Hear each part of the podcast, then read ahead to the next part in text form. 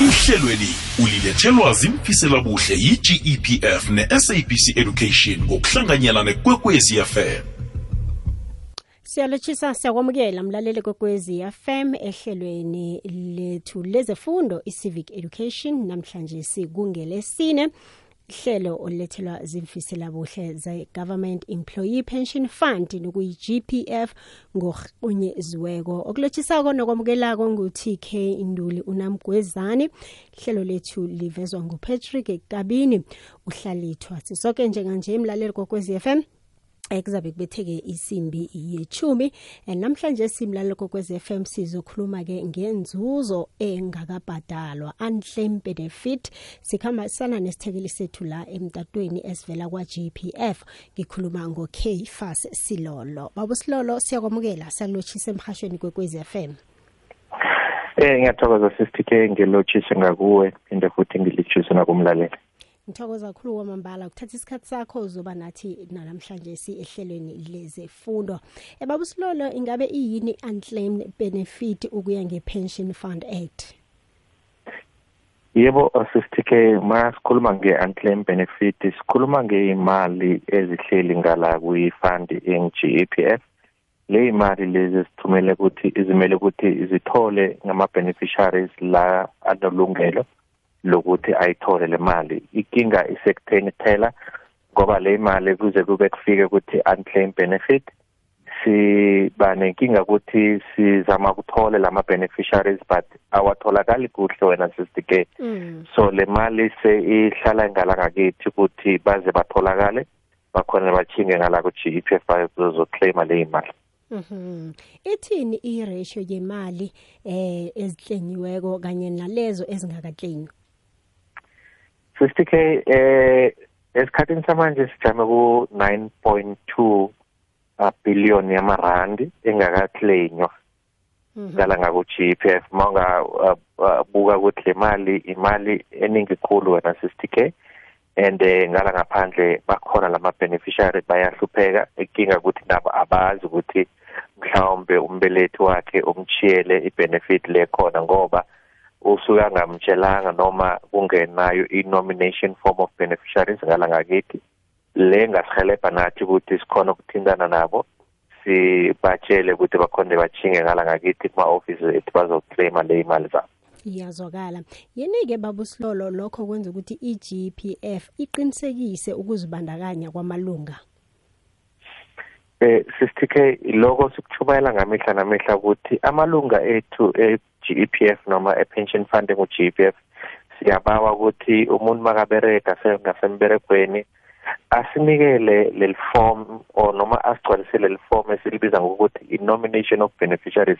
Ngilo leli form wena sister K lisihelebha kakhulu ukuthi ilunga maselindlulile ngalana sikhone nathi ukuthi sichumane nemindeni yakhe sibahelele ukuthi bakhona ukuphola le imali zabo bakhona ukuchubeka ngeimpilo wena sisike yazwakala kanti-ke kaningi baba usilolo ngiziphi inzathu zalabo abangakaclaimi imali abo eh ezenza ukuthi ingabhadalwa?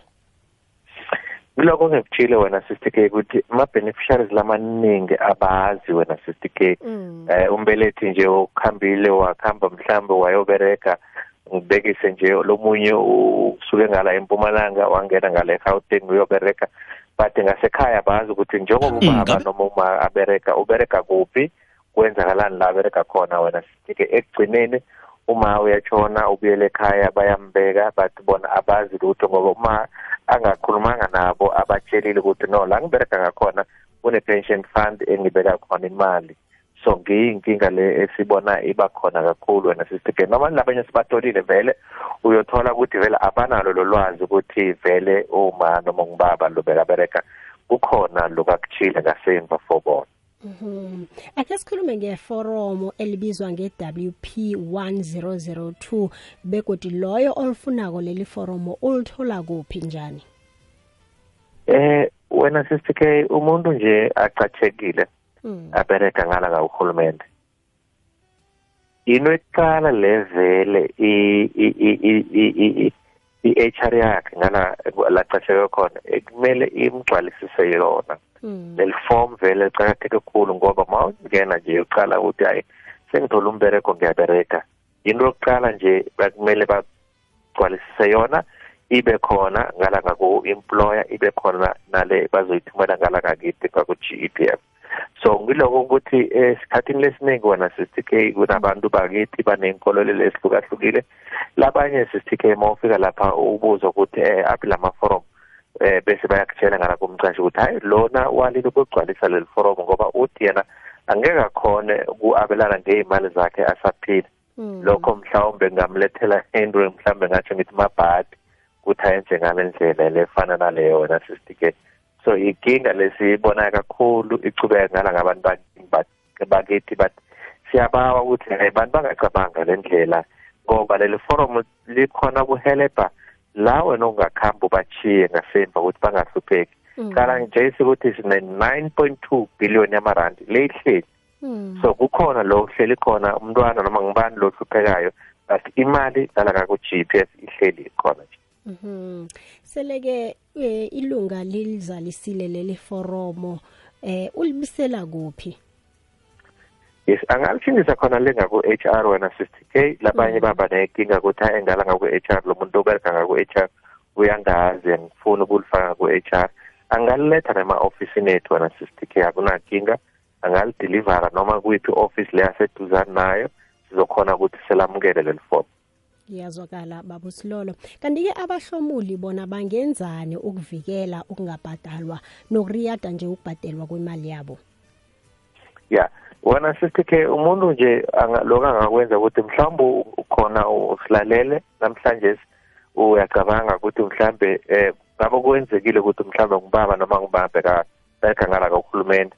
Ungakhona nje usidosele umtato just nje ukuchecka ukuthi mhlawumbe kungenzeka ukuthi nawe ungakhona ukuba khona kulabantu la sibafunayo. Ngoba mawuchile ukuthi uma ngubani usinikele i-ID yakhe siyakhona nje ukukuhelebha ukubona ukuthi we eh ukhona ngala kulama computer ethu nokuthi mhlawumbe kukhona lona okukhona na iyazwakala baba silolo khe siyogwinya mathe emva kalokho ngifuna sicheje bona-ke amalunga alindela isikhathi esingangani bona abhadelwe ngemva kokubiselwa eh kwenhlabakelo ezifunekako. Siyabuya.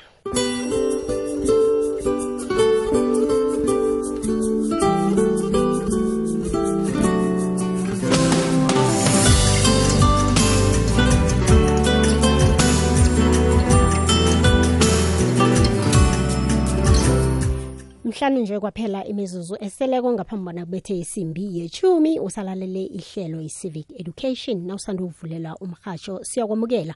Siyakulotshisa mlalele kokwezi FM leli hlelo ulethelwa yi-government employee pension fund okuyi-GEPF ngorhunyeziweko. Emoyeni ukhamba nami u-TK Induli unamgwezani.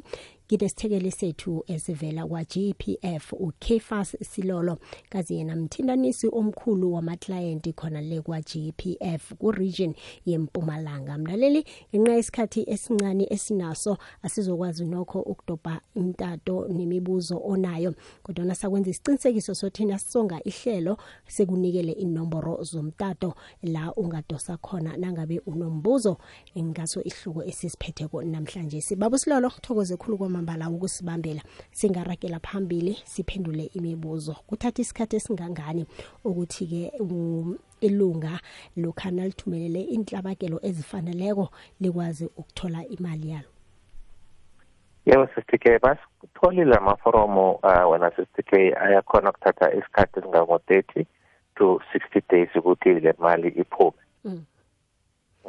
Iyazwakala.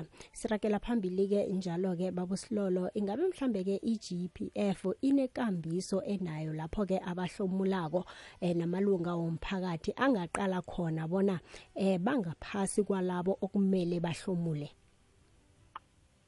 Ya sitike lokhu kwenzeka ukuthi um malunga komphakathi angakhona ukuhlomula ngendlela ukuthi njengoba ngitshilo ukuthi basidosele babuke ukuthi kwenzakalani. Eh lokunye okukhona wena sisithike ukuthi la la la lokusizamile ukwenza ukuthi sithathe le list yalamabizo la labantu vele sibayafuna ukuthi bavele siwafake ku website le ye GEPF umuntu angakhona ukungena kule website aqale ukuthi mhlawumbe akekho lo ongathi wakhona ngala ekhaya emndenini ukuthi angamthola ngale bizo lelalaziyo na Mhm. Ingabe mhlambe ke baba Sihlolo kunamajima iGPF enawo ukuyelelisa ke amalunga womphakathi angakafaki imbawo zawo. Ungakhe mhlambe ke unabe ngaphasi kwalombuzo lo. Yeah, wena sithi ke lokuningi sesizamile ukukwenza. Ah namhlanje sisikhona la kwezini sikhuluma ngawo le lenkinga sinayo ama unclaimed benefit.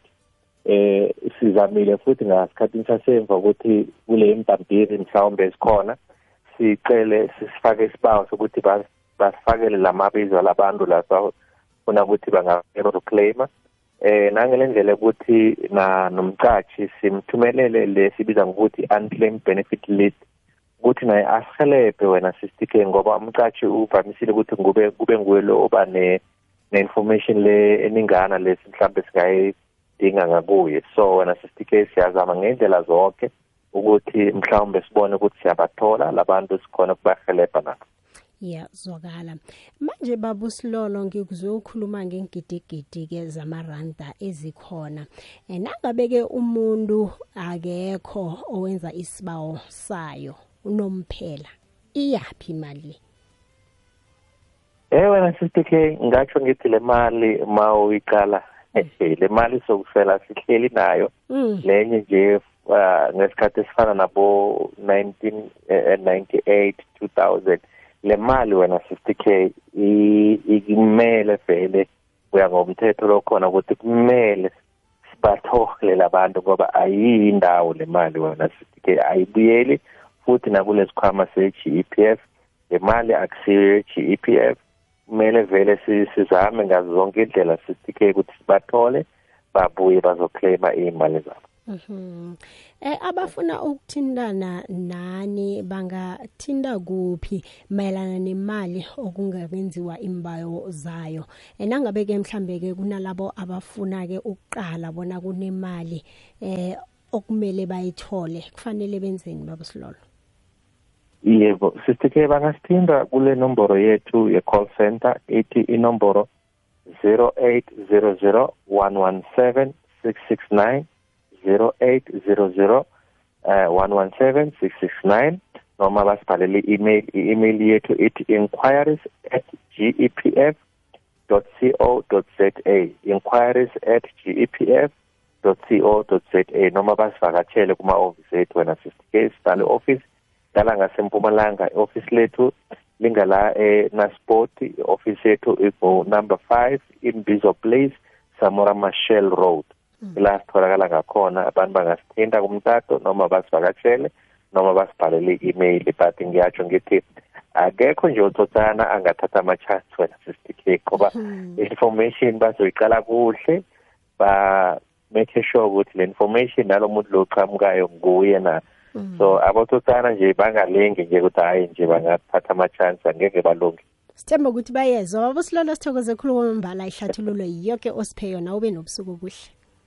Thokoze sisitike ahake mlalele kokwezi FM silibeka lapha ke ihlelo lethu lezefundo i-civic education olilethelwa ngebakwa GEPF ukhumbula GEPF inama regional client service center kizo zolithoba imfunda zeSouth Africa kanye nama satellite office alikhomba enzelwe indingo zakho mlaleli. Ukuthola ilwazi elingenelele kwe-GEPF inomboro ithi 0800 117 669 na udosela inomboro ekusimahla kenye nenye ifone ye-telcom ungathumela i-email ku-inquiries at gpf co za nanyana uvakatshele i-gepf website ithi www gepf co za kanti ke twitter handle yabo ithi at gpf underscore sa A. Silibeka lapha ihlelo lethu. Ibizo lami ngingu-TK Nduli unamgwezane. Asihlangane kodwa ngomvulo ehlelweni lezefundo. Umdlalo oragela phambili no Days Mgedi. Mina ngikhambile. Ihlelweli bewulethelwa zimfisela buhle yi-gepf ipentsheni yabasebenzi bombuso ne-sabc education ngokubambisana nekwekwezi fm